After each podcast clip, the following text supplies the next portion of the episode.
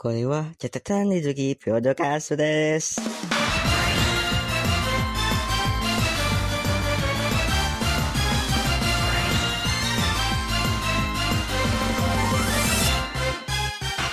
Oke, halo semua, kembali lagi bersama aku di catatan Rizuki Podcast. Di episode kali ini aku bakal mengulas episode kedua dan ketiga dari Yahari Orientation Love Comedy wa Machigateru Season 3 atau disingkat sebagai Oregayu S3 bersama kawan aku yang bernama Brian. Halo, Bray. Halo. Aduh, lumayan nih hari pertama podcast ya. Jadi, eh Ega ini telah mencapai season terakhirnya dan mengadaptasi dari light novel volume 12 sampai 14. Sementara itu, eh, kali ini bakal membahas episode kedua dan ketiganya. Kita mulai dari episode yang kedua, yaitu ah lupa judulnya. Kita mulai dari pembahasan tentang openingnya. Opening Megumi no Ame ini kan eh, bawaannya kayak set gitu kan. Hmm, Ya. Dan kita melihat sebuah ekspresi yang ya gimana? Menurut kau eh, agak gimana ya? Aku lihat ya kalau dari Yukino Shita sama Yui kayak apa ya lebih apa agak abu-abu tuh gak sih? Abu-abu kayak gimana? Jadi pas aku lihat kalau biasanya kita bandingin dengan um, openingnya dari scene sebelumnya ya, Heeh. itu kan mereka lebih flowy-flowy gitu, Uh-uh. agak berwarna kan. Ini Yeah. kayak agak um, dari terang langsung kayak meredup gitu. I Suasananya see, I lebih see. lebih gimana ya? Suram atau suram suram aku aku masa takutnya kayaknya scene 3 bakal agak suram untuk kedua karakter ini gitu untuk ngejarnya si siapa Em, siapa yang lagi-lagi Eh, Hachiman? ah Ciman Ya. gitu perbedaannya bagi aku sih kayak gitu kalau bagi Riza gimana Eh, jelas eh, itu nampak suram sekali. itu aduh, lagunya juga eh, selain tema opening yang agak suram, lagunya juga suram. iya iya betul nggak salah apalagi em, dari judulnya sudah nampak sih sebenarnya ya Megumi no Ame gitu kan jadi kayak melo-melo gitu Udah ame terus eh, latanya kayak hujan-hujan kan. Iya, nggak salah, nggak salah. Gitu. Jadi, jadi kayak soal tuh agak abu-abu gitu ya. Nah, Nah. pinggir pantai gitu kan. Kan Yukino set, terus Iya. semuanya karakter di sini kayak flat face. Set semua. Jadi, ah, ini kan mirip nggak yang dari season 2 kan, yang opening ini kan kayak muter kan, tuh enggak? Mm-mm. Tapi ini yang season 2-nya senyum, ini set itu. Ya season 1 kayak ketawa kan, Ya. season 2 juga Ketawa juga. ketawa, ini tiga set. ketiga agak set. Jadi aku rasa di season 3 ini bakal, apa ya, plotnya bakal suram untuk kedua karakter ini. Atau bukan juga untuk Hachiman juga, soalnya sini Hachiman juga set juga. Dan sini juga kita lihat kan, Yukino sama Yu-nya um, fat face semua. Terus eh, aku nih ada juga baca LN sedikit sama mangganya. Di episode pertama kan eh, si apa ketiga karakter ini kan ketemu sama kakaknya si Haruno kan. Mhm. Eh, dia apa sih? Eh, dia tuh langsung loncat kan eh, si siapa? Naik ke bertiga ini kan ngantarkan Yukino. Terus Mhm. tiba-tiba langsung time skip ke rumahnya Hachiman. Hachiman tuh udah balik terus ketemu Mhm. adiknya. Mhm. Di episode 2 nih kayak nge-rewind dari balik eh, LN Eh, -nya. iya betul betul betul betul betul. Aku walaupun tidak nonton, eh, apa tidak baca like novelnya, tapi aku bingung di bagian situ juga. Soalnya kayak apa ya? Um, plotnya tuh agak kecepatan tuh nggak sih? Kayak Kecepatan terus kayak di skip. Iya, kayak ada sesuatu yang janggal gitu. Pada saat udah ngantar Yukino ke rumahnya si Haruno, terus dibalik, terus tiba-tiba ngomongin sama adiknya gitu kayak, lah, lah, lah, lah, lah. Jadi maksudnya apa gitu kan? yang melek novel aku pernah dengar sih orang, aku lihat di Instagram sama apa, uh, Manggahir tuh ada jangka panjangnya itu ada percakapan antara kakaknya apa si Haruno sama si Hachiman tapi di em, di animenya nggak terlalu detail gitu cuman sekedar ya yang kemarin kan kita udah lihat tuh yang kalau em, apa Hachiman nggak bisa mabuk ya Ah, dia tidak bisa mabuk. itu aku kayak ya langsung masuk loncat ke situ dong padahal sebelumnya tuh di novelnya tuh ada panjang lagi gitu Iya. tapi malah di skip sampai ke situ itu kan kayak time skip jauh sekali gitu Makanya kalau anime udah tamat, kayaknya aku bakal nonton apa baca LN lagi kayaknya. Mm, Biar lebih ngena ceritanya. Nah, soalnya kalau aku lihat di animenya banyak hal yang kurang apa ya nggak detail detailnya tuh cuman sekedar ya time skip banyak intinya Origero sekarang yang season 3 Mm-mm. season 2 aku rasa masih lengkap deh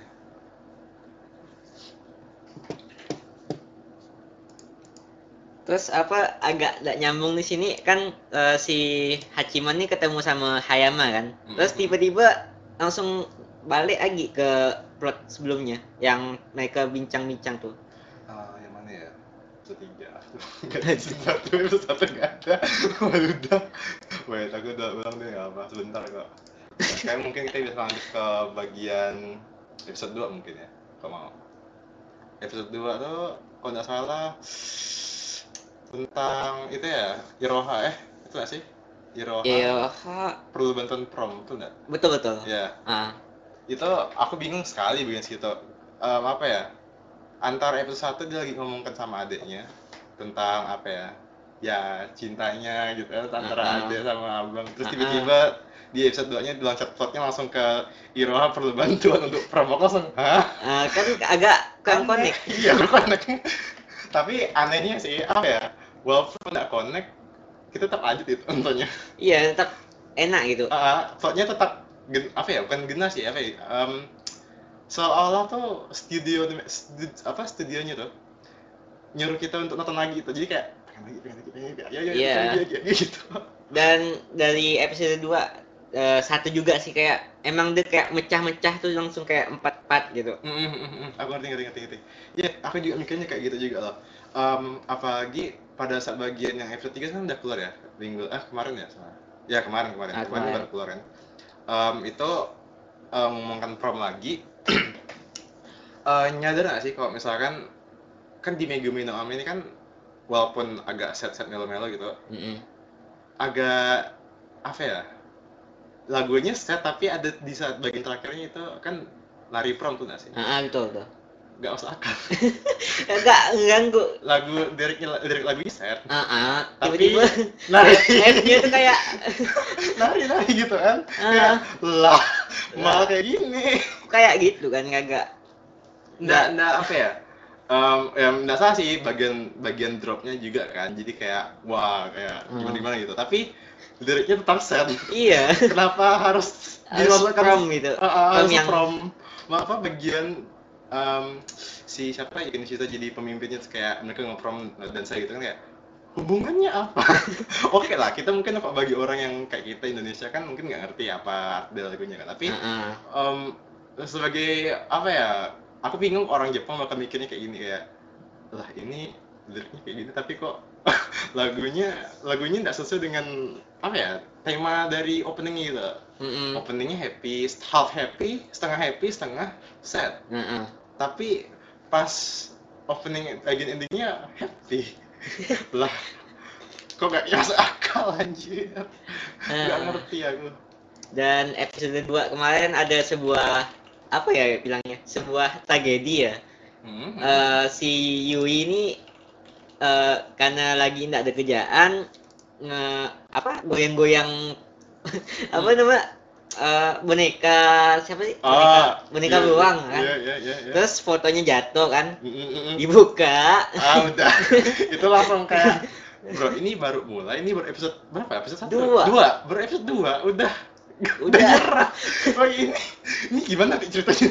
Terus nanti episode tiganya kayak dan efeknya ke episode 3 Iya, dan FKS gitu dia kayak, aduh, apa ya, aku sebagai penonton Origero sejak dulu, udah enak jadinya, karena apa ya, episode 2 dia kan udah nampak tuh ekspresinya kayak udah nyerah gitu, tapi episode 3 Ah. tuh dia kayak maksa lagi, maksa lagi, Iya, maksa lagi, jadi kayak udah enak gitu, apa penonton jadi kayak udah enak juga gitu. Nah, menurut Rizky gimana untuk yang episode 2 yang bagian? Apa, eh, em, Yui, lihat fotonya si siapa, Yukino sama Shiman? itu kalau ndak sengaja buka gitu ya ndak bakal pernah terungkap sih tapi ada juga bagusnya Nggak salah sih, nggak salah, nggak salah. supaya apa Yui ini bisa menyerah lebih cepat gitu Hmm, tapi masalahnya kalau kita lihat kan dari eh, apa jumlah episodenya kan ini ada 12 nih. nah, aku rasa kalau untuk episode 2 udah mulai sebuah komunikasi kan kok cerita kan kayak gitu kan? Heeh. ada langsung komunikasinya. Aku bakal bingung gimana nanti struktur ceritanya dari ori apa untuk season 3 nih Eh, orientasi oke ada orientasi kan mungkin tidak terlalu gimana gitu kan. Tapi Uh-uh. komunikasinya kecepatan rasa aku. Iya betul. masa kita langsung resolusi terus nih komunikasi lagi? Mungkin bisa masuk akal tapi ndak aneh kan gimana ya? Kalau aku pribadi sih ya, emang S2 sama S3 nih harus digabung gitu. S1 ini kan kayak khusus komedi-komedi gitu kan. Hmm. Terus S, eh, S2-nya mulai kayak serius, seharusnya itu langsung serius. nyambung ke S3. iya seharusnya kayak gitu tapi masanya ya itu studionya mah ngotong dan gantung di season 2 nya dan harus nunggu berapa? 4 tahun? 5 tahun?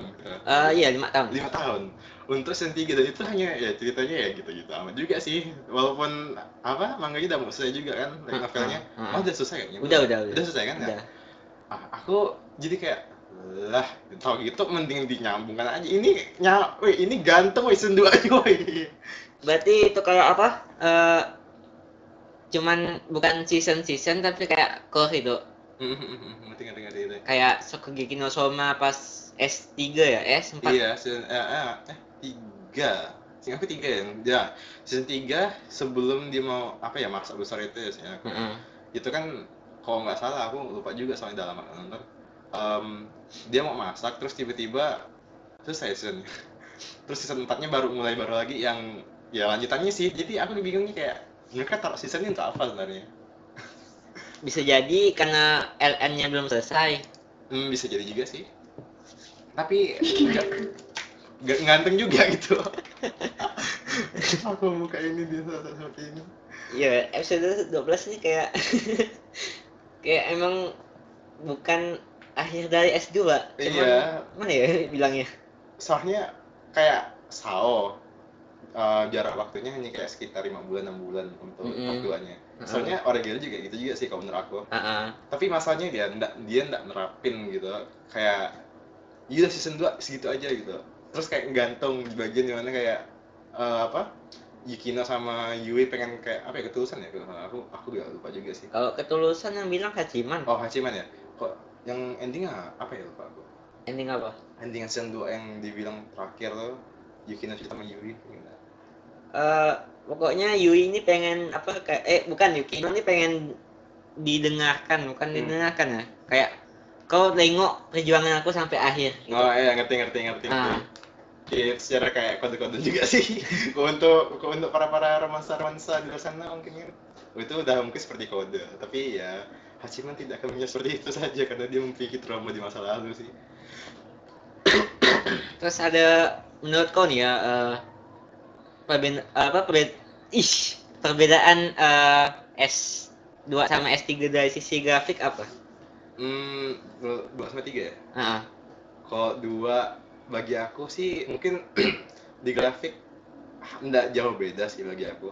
Season 3 nih masih mendapatkan apa ya kesan-kesannya dari season sebelumnya di season 2 Heeh. tapi bedanya kalau misalnya kita lihat dari dekat misalkan Hmm. di sebuah scene yang di mana kayak hanya ada Yukino ada Yui sama Ciman um, tekstur mukanya yang mungkinnya agak di gimana itu agak gelung-gelung gitu Ah, agak glowing ya? iya dan juga aku ngeliat muka Yui agak diubah sedikit ya Iya, agak gimana? Yukino nya tetap sih aku lihat sih ya Yukino tetap Yukino enggak terlalu.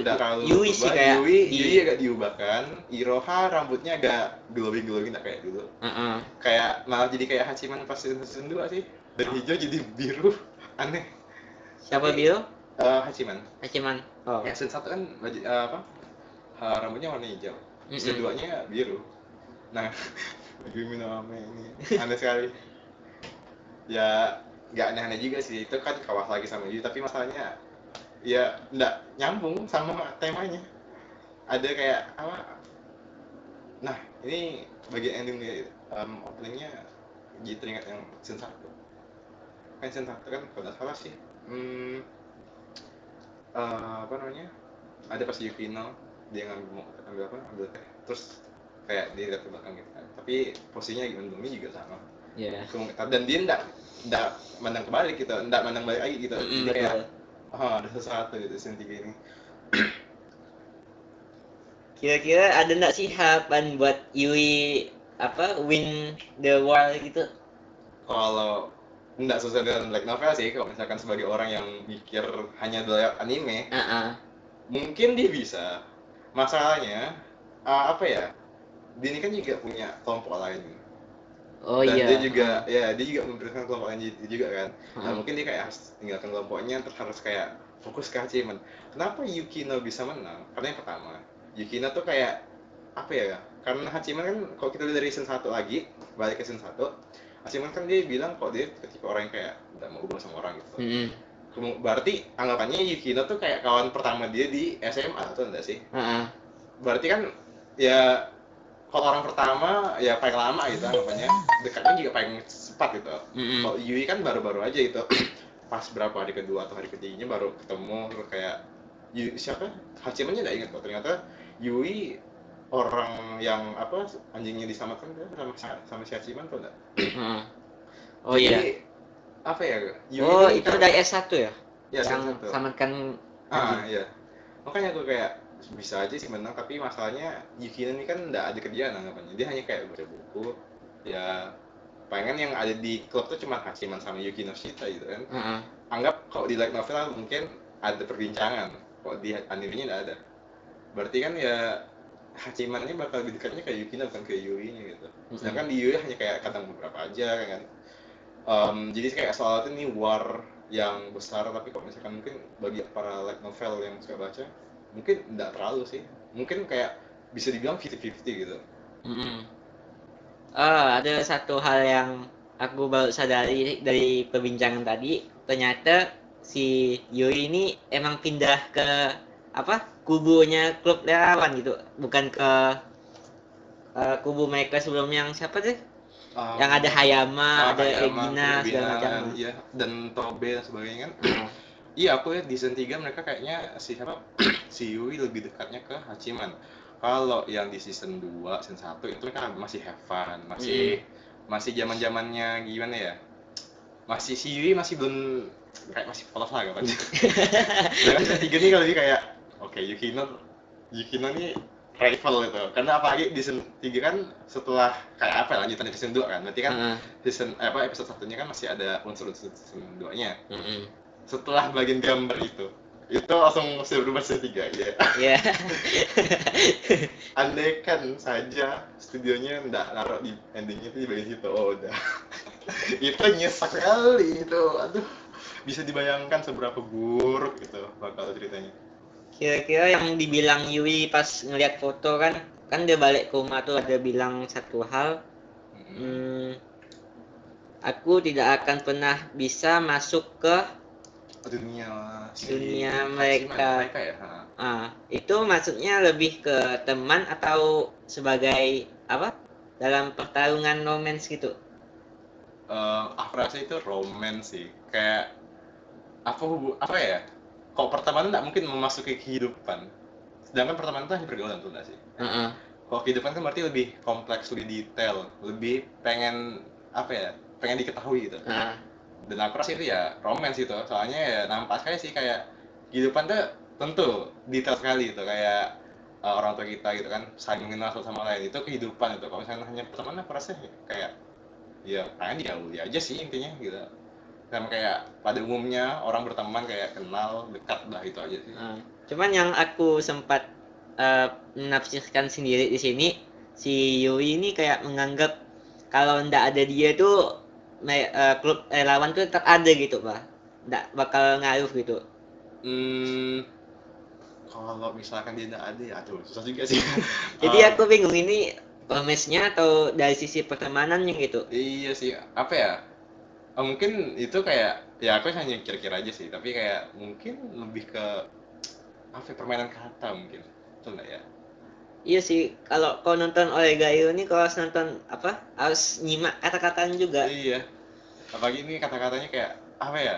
Agak seperti orang-orang yang menyukai orang lain tapi dia kayak tidak mau menyatakannya gitu. Jadi Mm-mm. pakai kata-kata yang lebih simple tapi menjauh dari kata romansa. Romansa ini jauh gitu. kata-katanya. Simple tapi kayak kode-kode gitu. Ya, agak Ah. kode-kode gitu kalau bahas di sini.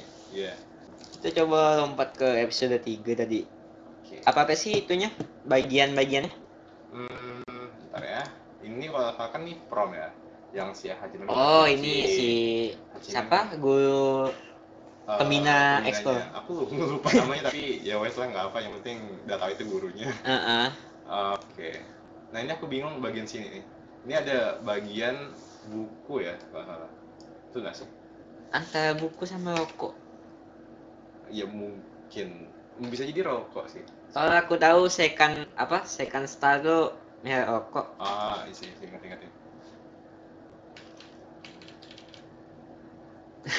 ini Totsuki, aduh. Bagian Aku masih penasaran sih ngapa si Hachiman ini ngeblas pas ketemu Totsuka gitu. Dan yang aku bingung juga dia tuh kayak nanya kalau ada waktu kosong nggak? Itu mau ngapain? aduh, itu kayak kode itu kan. nah kan? Kodenya agak-agak hmm, berbahaya sedikit ya. Ya ya. Gila. Apalagi kayak dia nanyakan ada waktu kosong, tapi Nah. dia sendiri juga tidak kosong. Terus eh, aku penasaran sama bajunya nih ya. Bajunya kok beda sama itu ya? Atau aku lupa sih. Ngapa bajunya beda? Yang sama season 2 ya. Enggak, baju ini nih kan Hmm. baju hijau nih. Mm. Sedangkan yang lainnya pakai baju hitam kan. Kenapa Oh. udah pakai baju hijau? Baju layar ya, iya nggak salah sih. Kayak emangnya dia pelajar olahraga terus kayaknya hampir setiap kali Oregairo ada Tosuka kayak ini sama pakai baju hijau deh. Entah ada spesial apa, gitu. ah. Privilege. Wah, anehnya dia sendiri yang pakai baju hijau, sedangkan yang lain hitam. Apa hanya perasaan aku? Lain juga sih. Oh iya, di episode 3 nih yang Komachi berhasil lolos ke SMA Oh, apa nih? Sobu ya? Sobu sih aku ya. Nah, betapa mengharukannya. apa Komachi menunjukkan karakter asli gitu kan Tuh. Ah, jadi ah. yang biasanya kayak gimana gimana gitu terus tiba-tiba Memang jadi menunjukkan karakter Imoto-nya. iya nampak sekali gitu kan Dan dia lulus. Nah, men- mengenai Saki nih, aku masih penasaran sama peran Saki nih. Dari S2, S1 kayak nggak menonjol, tapi kayak tiba-tiba di season 3 ini ditonjolkan sekali iya. Apalagi di season 1 kan nggak terlalu banyak kan yang apa plot yang di mana Saki itu dekat sama Hachiman tapi di season 3 tuh kayak seolah tuh Saki udah dekat sekali dengan Hachiman tuh. Ah, kemarin aku sempat rewatch S2, terus ketemu Saki nih, Saki nih siapa sih? Sampai lupa gitu kan, saking nggak menonjol, apa menonjolnya. iya terus aku lihat kayaknya baju em, warna rambutnya berubah juga sih Saki juga bukan bagian dari apa? Kubu-kubuan yang Hayama, Hayato segala Iya, macam, tapi kayak solo iya solo. kayak permasalahan dia tuh hanya gara-gara em, season 1 kok ya yang di mana adek apa Hisakinya kerja di bar Ah iya. belajar cari duit tuh nah paling di itu aja sih tapi itu pun enggak kayak ada romansanya sama sekali dan tiba-tiba di season 3 eh, didekatkan dengan romansa yang di mana katanya di season 1 ada tapi aku setelah aku rewatch kayaknya enggak ada di bagian ya yang apa Saki ketemu si Hachiman itu yang aku bingung juga dan apa ya untuk menutupi time skip dia harus melakukan itu kayak eh, no no no jangan aneh jadinya Jadi karakter Saki ini mau taruh di mana gitu? Aku masih belum paham Iya. hubungan dia di plot nih. Apakah cuman karakter sampingan yang sampingan itu atau gimana?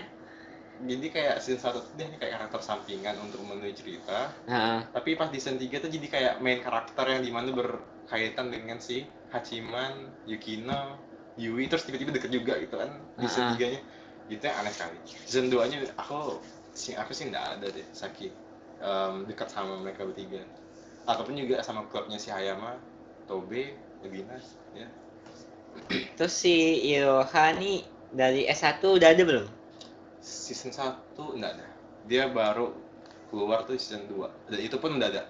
Dia benar kayak perlu bantuan terus tiba-tiba dia de- dekat sekali dengan mereka bertiga kayak Ah, kan? dalam satu episode Terutama Hachiman. iya terutama Hachiman karena Hachiman tipe-tipe orang yang lemah sampai perempuan Tapi kok kayak Iroha nih kok bisa so asik sekali sama Hachiman? iya dan si Hachiman pun dengan kelemahannya yang seperti itu pun masih tahan itu ya Heeh.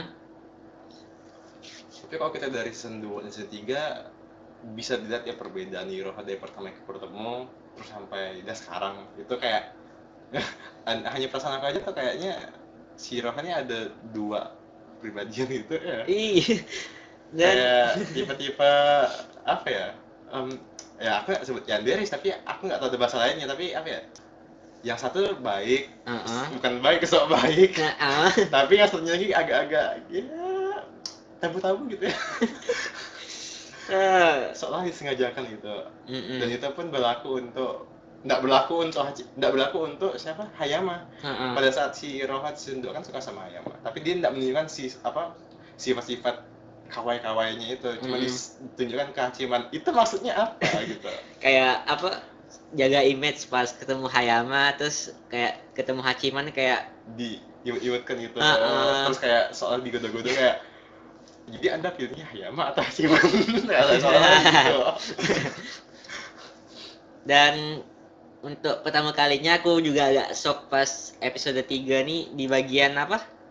Yang mereka ini kan mau ngerancanakan prom cuman si Haya ah, Hachiman ini bilang lancar tapi belum tentu itu kan? Apa lancar belum tentu? Hasilnya bagus bukan? Ah, ah, belum tentu baik-baik saja tidak ada masalah gitu. Mm, mm, mm. ada bagian yang menarik di sini eh di mana eh, Iroha nih kayak ada ngobrol pribadi sama Hachiman di mana kayak ini serius stalkingnya Iroha sama Hachiman yang sangat langka aku temukan di anime sendiri Mm-mm. dan di sini kan Iroha kayaknya serius sekali ya ngomongnya Heeh. kayak seolah tuh terpuruk sekali karena suatu hal karena dia tidak yakin gitu Heeh. padahal di sebelum-sebelumnya kan eh, contohnya aja yang cerita em, Natal. Itu dia kayaknya wah pede sekali dia. Tapi pas di season 3 karena untuk acara prom aja dia kayak terpuruk sekali. Padahal itu kayaknya apa ya aku bisa sebut itu agak simpel tapi eh, kalau bisa disebutkan kan acara Natal kayaknya lebih besar daripada acara Mm-mm. prom. Bagi aku sih kayak gitu. Tapi dia lebih terpuruknya di bagian promnya. Jadi aku bingung kayak masalahnya di mana? Terus apa yang bikin dia bisa kayak gitu? Bisa terpuruk sekali itu kayak mana. Menurut kau sendiri ngapa Iroha nih kayak ngebet pengen ngedekan prom Hmm, kok menurut aku men- mendekatkan para mereka bertiga mungkin. Tapi untuk sebuah oregairu apa ya untuk sebuah romansa sih mungkin seperti itu. Tapi kalau untuk eh, untuk hal lain mungkin itu kayak keinginan dia dia sih kayaknya sebagai seorang ketua osis ya dia ya. Mm-mm. Kayak dia pengen kan ada acara prom yang di mana ya bisa mendekatkan perempuan laki-laki. Kan kan prom kan ya hubungannya berdansa kan pasti kan. Kalau Mm-mm. misalkan dansanya sama laki-laki agak miring gitu pasti. Dan ini aku bingung bagian sini ini kenapa Yukino harus jadi laki-laki? Katanya sih itu apa kehabisan stok laki-laki kayaknya. Ah, bisa jadi juga sih. Dan emang Yukino bi- bisa cosplay jadi cowok karena you know lah. Ya ya iya para para fans Origami di luar sana langsung trigger Aduh. Berarti ini di prom nih kayak video promosinya dibuat serius gitu. Apa? Apa istilahnya gladiresik ya? Atau emang Hmm. video promosi ya? mungkin kayaknya hanya sekedar video, promosi kan kalau aku nggak salah kan itu em, di episode 2 ya kalau mereka yang pas bagian penonton ya Mm-mm. atau episode 1 mungkin itu kan si Iro kan dia hanya harapannya pengen buat prom video pendek prom Heeh. kemungkinannya kayak sekedar video promosi kalau di sekolah ini nih mungkin ada prom dan sebagainya aku kurang ngerti soalnya yang pada saat Iroha mau eh, membuat prom itu tidak dijelaskan kenapa dia mau buat prom Mm-mm. Em, Oke, Eh, ini di bagian di mana em, si Iroha, eh, maaf, Iroha itu ya. Heeh. Iroha mukanya agak-agak ya gimana gitu ya pada saat itu. Eh, jadi ini di bagian Yuki Noshita menjemput si Iroha. Terus tiba-tiba Iroha kayak bilang, "Eh, ya aku agak masih sedikit berdebar-debar sih karena si Yukino menggunakan eh, kostum laki-laki. Dan mukanya kayak agak-agak hmm, ya kalian tahu kan di dark dark web anime itu mukanya kayak mana Nah, ya jadi kayak yander-yander tapi psikonya agak berbau-bau ya mainannya ya seperti itu lah ya. mungkin kayak mengerti kok yang sering buka-buka ya kayak gitu. Jadi agak terkesannya aneh. Nah kembali ke prom lagi Em, di episode kedua atau pertama aku lupa itu kan eh, si Rohan nggak jelaskan kenapa sih mereka harus mengadakan prom. Mereka hanya selalu kayak aku menunjukkan sebuah video dia ambil proyektor terus nonton. Terus ini itu bosan. Terus dia pengen buat prom juga tuh aku bingung lah terus hubungannya mereka membuat prom ini apa dong? Kayak apa ya Eh, tujuannya untuk buat prom ini bukan untuk sekolah jadi jadi kayak hanya untuk kemauannya si Iroha sendiri gitu. Iya, makanya untuk selevel ketua OSIS tuh itu kayak permintaan yang agak egois ya? Iya egois. egois sekali ya kerasa. Soalnya itu orangnya banyak sekali lah yang ngikuti dan nyuruhnya juga satu kelas dan itu pun sukarela kayak wow enak juga ya. Aneh kan memang di Indonesia ada yang kayak gitu. Kalau misalkan itu ya udah dikeluarin itu itu udah jadi diturunkan jadi mungkin anggota lagi tuh osisnya. Atau mungkin dikeluarkan dari keanggotaan osis mungkin. Betul. Menurut kau sendiri, eh Iroha nih kayak kompeten gak sih buat jadi ketua OSIS? Misalkan dia tinggal di real life gitu. Hmm, hmm, hmm, hmm. Kalau misalkan dia salah aku nggak yakin. Walaupun dia apa ya, aku rasa Iroh ini lebih ke mudah diajak negosiasi karena dia tuh mengeluarkan jurusnya itu. Oh, I see, Ya, I ya, see. kan? Nah, jadi, jadi siapa pun orangnya, wal kalau dia mengeluarkan jurus itu, udah dia pasti menang. Lemah. Lemah. Ah. Nggak- walaupun dia nggak ada ide sama sekali, kayak ah kok misalkan dia kok dia bilang ini, aku jawab apa ya? Dia nggak dia nggak main-main, dia langsung kayak mengeluarkan jurusnya, wes udah, kok tinggal goda dia, sip, say. Kamu nggak akan bisa ke mana-mana. Kalian bakal kayak lemah langsung mental kalian gitu. Oh. Terus aku ada ngerasa aneh pas eh, si Iroha nih numpang nonton video di apa ruangan ke rel- apa relawan ya. Mhm. Pas dia pengen buka video, alasannya karena laptopnya ini terlalu baru, jadi nggak bisa dimasukkan VCD gitu. Masuk Iya. akal nggak sih? M- mungkin bisa masuk akal tapi pertanyaan yang paling aku pengen pertanyakan tuh kenapa harus di ruangan klub relawan gitu dibilang kan enggak mau main-main terus dia tuh ketua osis lah emang enggak dicari gitu. Emangnya enggak ya, kalau misalkan kita anggota mungkin masih oke lah ya. Mungkin kalau misalkan hilang ya kan pergi ke WC atau ke mana itu. Mm-mm. tapi ini nonton prom yang ya kalau bisa dilihat dari videonya ya udah lama yang pasti. Mm-mm. tapi tidak dicari-cari sama orang lain gitu kayak wow oke. Aku mikir satu kemungkinan yang mendekati sih emang tujuannya dibuat nonton video di klub relawan tuh cuman buat kode supaya minta dibantu gitu. Iya, biar kan kan dari season 1 season 2 kan udah dikenal kalau relawan ini paling bisa memecahkan masalah kan. Mm-mm. Jadi Iroha kayak memanfaatkan hal itu untuk em, buat prom itu ya jadi kayak negosiasi gitu. Mm-mm. Tapi ya ditunjukkan sekalian videonya dan sebagainya terus kayak sambil nonton sama-sama berempat gitu. Mungkin itu sih alasannya.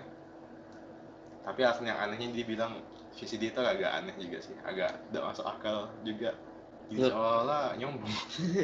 Terus ada satu hal yang aneh juga. Nih klub relawan sebagai ekskul nggak ada promosi kah begitu? Kita kan kalau JS ada promosi gitu kan. Iya, Ini iya. nggak ada.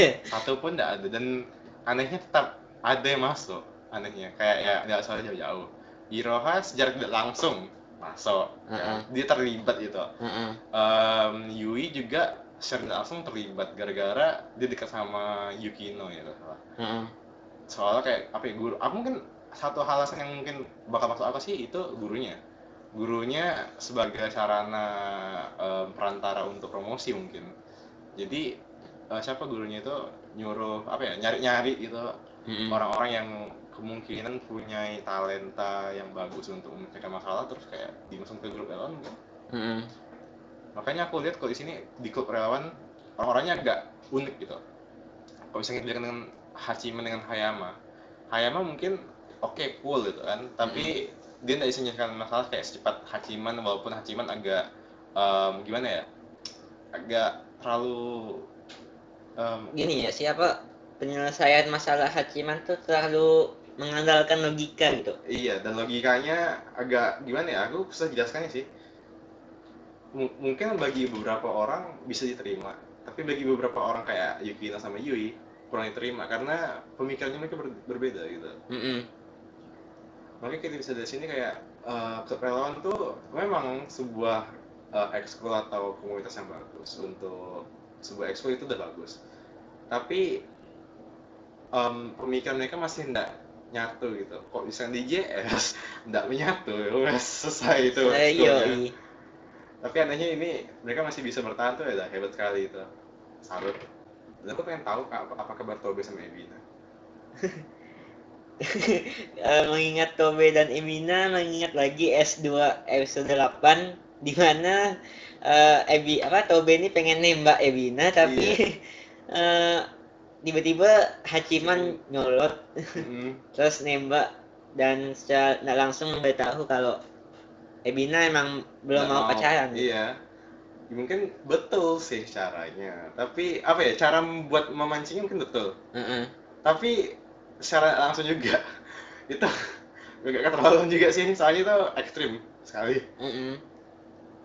dan hebatnya Hachiman bertahan sampai sekarang walaupun eh, selama kayak setengah ya setengah episode itu apa setengah season itu si Yukino-nya agak menjauh gitu ya Mm-mm.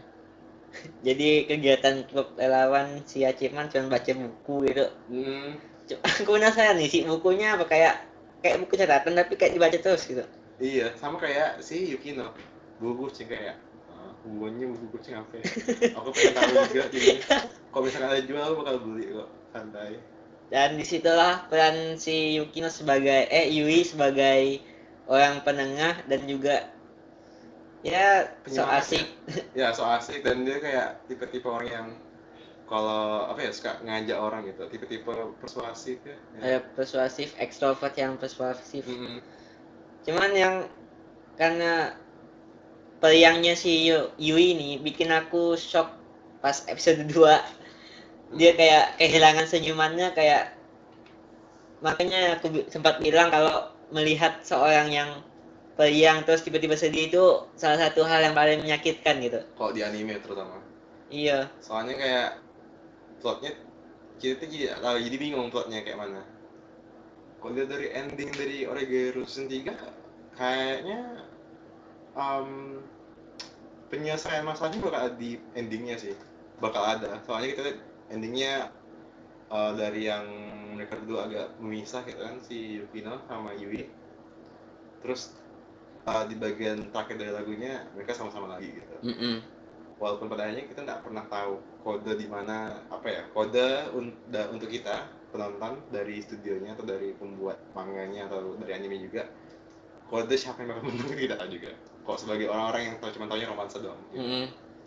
Karena kan kok biasanya sebuah anime yang hanya sekedar romansa kan ya incarannya yang pasti siapa yang bakal menang Iya.